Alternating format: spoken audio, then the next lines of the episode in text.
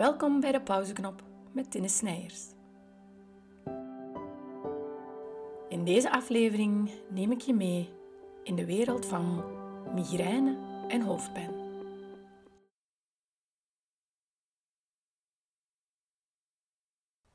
Welkom allemaal in een nieuwe podcast van de pauzeknop. We zijn er eventjes tussenuit geweest. Maar hier zijn we terug met een nieuwe aflevering. En deze keer heel specifiek rond één welbepaald thema. Een thema waarmee ik zelf ook kamp, waar ik dus zelf vanuit ervaring over spreek. En dat is het thema migraine. Nu, heel veel mensen kampen met migraine. En migraine gaat verder dan de pure hoofdpijn. Migraine is heel vaak gepaard met een enorme vermoeidheid, het niet tegen licht kunnen en daarbij komend misselijkheid, duizeligheid. En dus het aspect migraine gaat veel verder dan puur de hoofdpijn alleen. En het kan je ook echt knock-out slaan voor meerdere dagen. Van waar komt dat nu eigenlijk? Wat zijn de triggers? En wat kunnen we hier aan doen? Nu, het belangrijkste is waarschijnlijk heel eventjes te gaan situeren van waar die hoofdpijn komt. Hoe wordt dat fysisch getriggerd en hoe zendt ons lichaam misschien eerder al signalen uit dat er eentje zit aan te komen, een migraineaanval. En eens dat die er dan is, hoe triggert die migraine zelf dan die misselijkheid en al die andere symptomen? En daarvoor gaan we eigenlijk wat kijken naar de Chinese geneeskunde.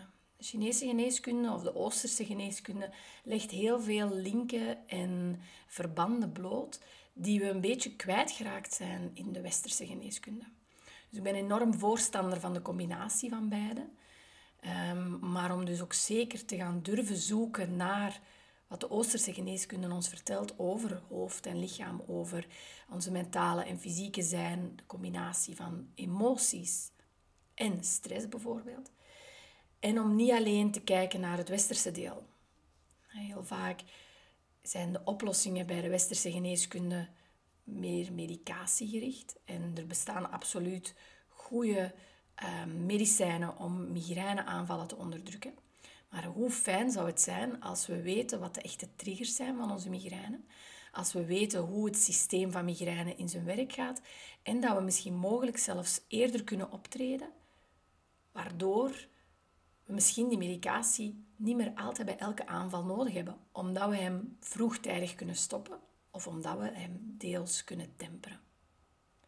En daarvoor is die westerse geneeskunde misschien niet altijd toereikend genoeg. En is het fijn om eens naar die Oosterse geneeskunde te gaan kijken.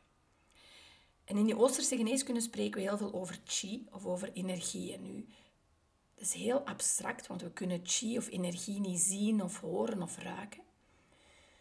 Maar het is wel degelijk iets dat doorheen heel ons lichaam stroomt. En meer bepaald stroomt onze chi door energiebanen of de zogenaamde meridianen. En die meridianen die lopen doorheen heel ons lichaam. En je hebt yin en yang meridianen. En yin is meer het koele, het afkoelende, het aardse. Yang slaat dan meer op het lichte, op het felle, het krachtige.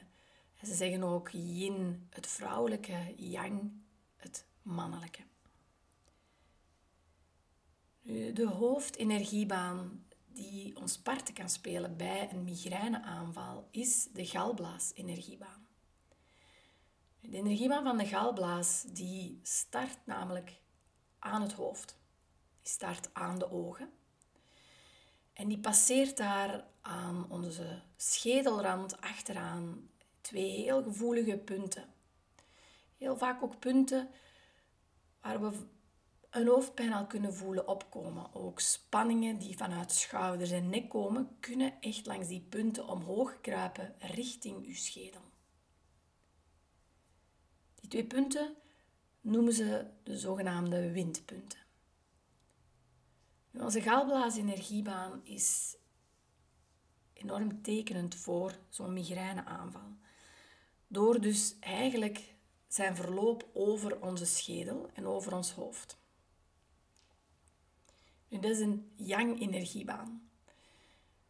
En yang-energiebanen lopen van hoofd richting voeten.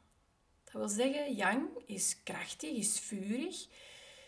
En dat willen we temperen met yin. Dat willen we afkoelen. En waar ligt de afkoeling? Waar ligt de yin? Die ligt bij de grond. Dus bij voorkeur loopt die energie in onze galblaasenergiebaan loopt die van ons hoofd naar onze voeten. En slagen we er dus in om voldoende yang af te voeren naar de grond en onszelf af te koelen, ons innerlijk systeem. Maar je voelt het al komen, dat loopt niet altijd even vlot, die weg naar beneden. En we komen daar verschillende blokkades tegen. Denk maar aan schouders die vastzitten, rug, maar dan vooral heupen. We bewegen onze heupen amper nog. We zitten heel veel neer op een stoel, in een auto. Dus er is heel weinig speling voor die heupen, waardoor heupen een enorme spanning in zich dragen en heel weinig mobiliteit kennen. Daarbij komt ook ons middenrif. Ons middenrif dat eigenlijk een bepaalde souplesse nodig heeft om goed te ademen. Het is ons middenrif, de belangrijkste ademhalingsspier, die ervoor zorgt dat we diepe, efficiënte buikademhalingen kunnen doen. Maar als we spanning of stress ervaren, en daar zitten we al aan de voornaamste trigger, als we spanning en stress ervaren, dan gaan een van de eerste dingen die gebeuren is, we gaan onze spieren opspannen. Dat gebeurt onbewust. Als je weet dat het middenrif ook een spier is, dan weet je dat dat middenrif mee volgt in die spanning. En dus middenrif geraakt gespannen. Waardoor wij misschien moeilijker diep gaan in- en uitademen. Onze ademhaling wordt oppervlakkiger. En als ademhaling voor energie zorgt, krijgen we ook minder energie binnen, minder zuurstof. Ook onze heupen komen door het vele stilzitten, door het weinig bewegen, door het weinig loslaten, onze stress eens een keer van ons afgooien, is gaan sporten, is gaan bewegen of is het stretchen, het echt uit je lijf krijgen.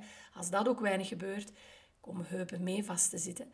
En dan zie je daar al twee grote blokkades voor die heel felle yang-energie van galblaas om uw voeten te bereiken.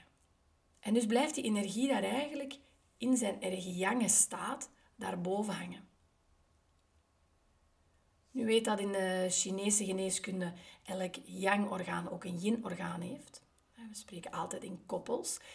Het yin-orgaan dat verbonden is met de galblaas is lever. Lijkt heel logisch, liggen ook vlak bij elkaar, anatomisch gezien. Die leverenergiebaan die zorgt wel voor de nodige yin-energie, want de lever is een yin-orgaan. Die energiebaan stroomt ook van voeten omhoog, maar die heeft losse heupen nodig en een los middenrif nodig om goed te stromen. Want de leverenergiebaan loopt langs de heupen en eindigt bij het middenrif. Dus wanneer door spanning een middenrif komt vast te zitten, gaat je al meteen kunnen merken in de flow van je leverenergie. Als de leverenergie minder flow heeft, gaan heupen meekomen vast te zitten. We bewegen weinig, want we hebben stress. Er moeten zaken afgewerkt worden. We zijn gehaast. We zitten veel neer. We hebben geen tijd meer om te sporten. Laat staan om alles eens van ons af te schudden. Dus we zetten onszelf letterlijk en figuurlijk vast. Mentaal en fysiek.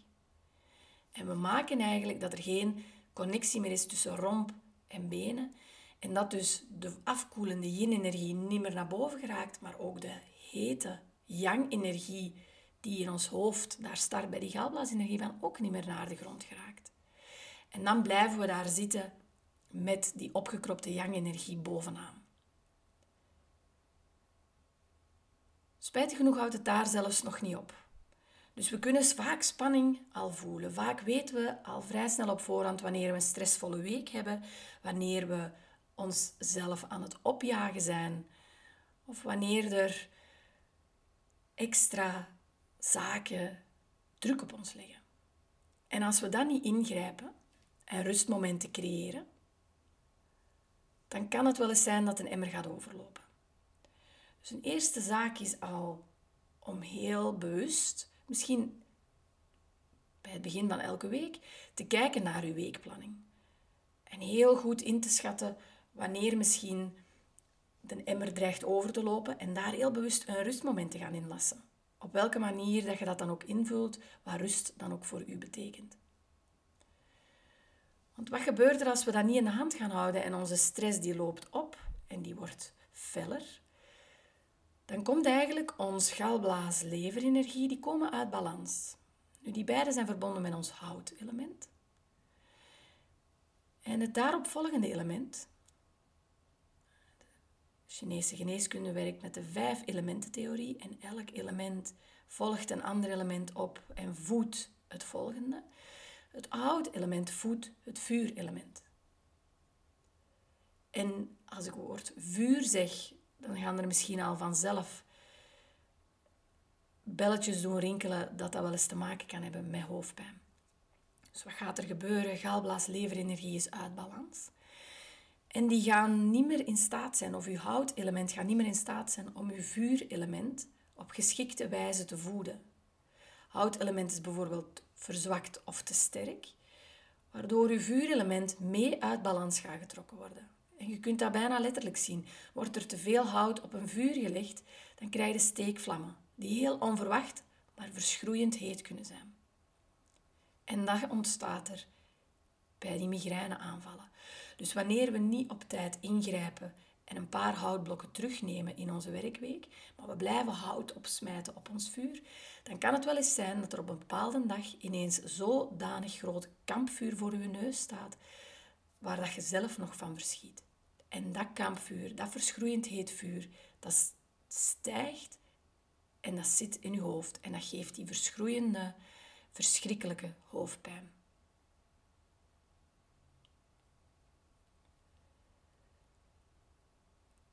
spijtige gevolg van een vuurelement uit balans is dat natuurlijk de cirkel verder loopt.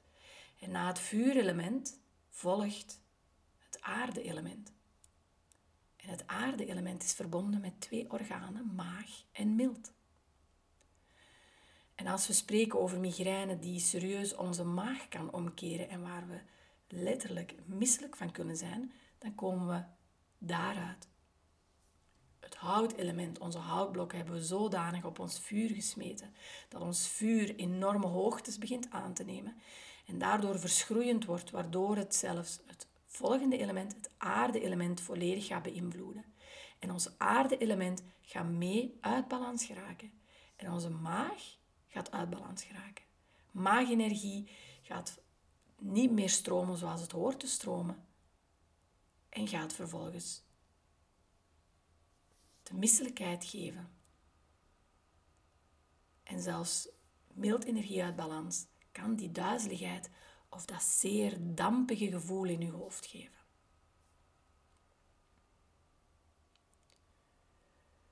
Heel eigen aan heel die cyclus, waarbij dus hout, vuur en aarde-element uit balans zijn, is dat het duidelijk is dat migraine iets is van heel het lichaam. En zich niet alleen afspeelt in het hoofd en puur gaat om een hoofdpijn waar dan een medicijn voor is, maar dat dat iets is dat veel dieper gaat. En dat je ergens al kunt voelen aankomen wanneer dat er een enorm stressvolle of een event op de planning staat met heel veel prikkels. Want daar draait het heel vaak om. Prikkels die je niet verwerkt krijgt, die maken dat je lichaam dat gaat opslaan omdat het niet verteerd geraakt. Opslaan wil zeggen wat verkrampen, vasthouden. En dan komt heel de cyclus in gang van het hout op het vuur en het vuur dat uiteindelijk de aarde in de war brengt. Nu, waar zit dan die link met de ogen? Want het is heel vaak bij migraine dat we geen licht kunnen verdragen, dat we in het donker moeten zitten. Vaak kondigt migraine zich ook al aan met vlekken voor de ogen zien. Wel, dat zit in dat houtelement. Dat zit bij die galblaas-leverenergie.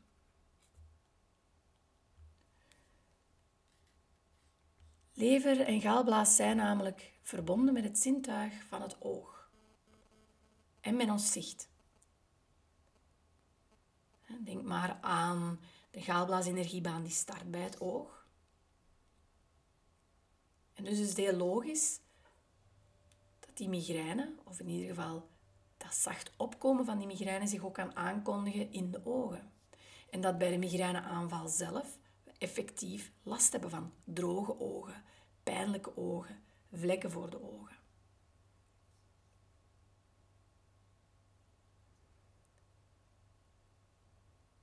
De vraag is natuurlijk, wat kunnen we daaraan doen?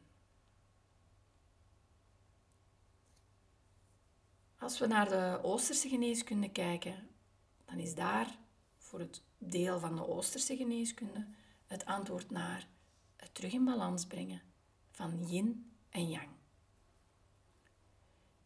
En het tweede is het terug in balans brengen van uw vijf elementen. En dat zijn eigenlijk de twee grote balansen die we telkens nastreven met heel ons lichaam.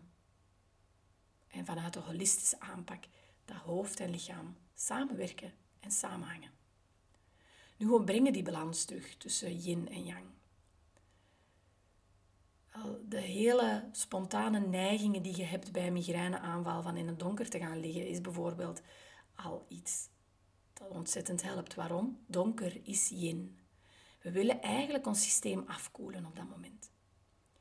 Dus dat wil zeggen dat we de afkoelende aarde eigenlijk in ons systeem willen brengen. We willen yin-energie weer op gang krijgen, zodat die yang-energie in balans wordt gebracht. Dus die donkerte kan heel fijn zijn. Uw ruimte prikkelvrij maken. Dus zoek een kokon op, zoek een rustige plek op. Hou de prikkels buiten. Inderdaad, ogen laten rusten, uw oogenergie. Daar heel karig mee omspringen. Dus zeker geen schermen of fel licht. Wat ook kan helpen is bijvoorbeeld een voetbadje.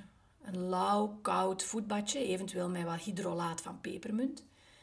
Om letterlijk die afkoeling te zorgen, om voor die afkoeling te zorgen voor uw lichaam en om dat vuur naar beneden te trekken. Dus waarom alleen uw voeten ten eerste? Van het moment dat je met pepermunt en zo werkt, is het nooit goed om heel je lichaam daarin onder te dompelen. Dat is veel te intens voor een lichaam. Dus alleen voeten. Maar dus een koud voetbadje, waar zit die yin-energie? Die zit aan onze voetzolen. En daar willen we absoluut de hitte naartoe brengen. We willen de hitte uit ons systeem krijgen, maar liefst via de voeten. Dus voeten plaatsen in een koud of lauw voetbadje met wat pepermunt.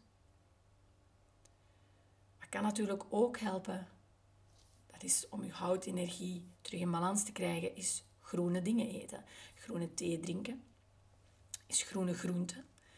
Het zijn ook zure dingen, zoals citroen. Wat willen we vermijden? Maar daar heb je vaak ook geen zin in en vaak is dat geen probleem als je in een aanval zit. Dat is cafeïne, dat is alcohol. Dat zijn allemaal zaken die heel belastend zijn voor je houtenergie en voor lever en galblaas. Een laatste iets om onze houtenergie terug in balans te brengen, dat is yin yoga. En yin yoga, waarom? Het woord zegt het zelf, yin. We brengen letterlijk de afkoeling binnen in ons lichaam, binnen in ons systeem. Yin yoga werkt voornamelijk tegen de grond, tegen de aarde. En vooral, we maken heupen los. Want we werken dan op onze energiebanen van galblaas, lever, maar ook van maag. We willen absoluut ook die maag tot rust brengen. En dan kan het helpen om yin yoga te doen, om die heupopeners te doen, om onze heupen los te krijgen en om te ontspannen.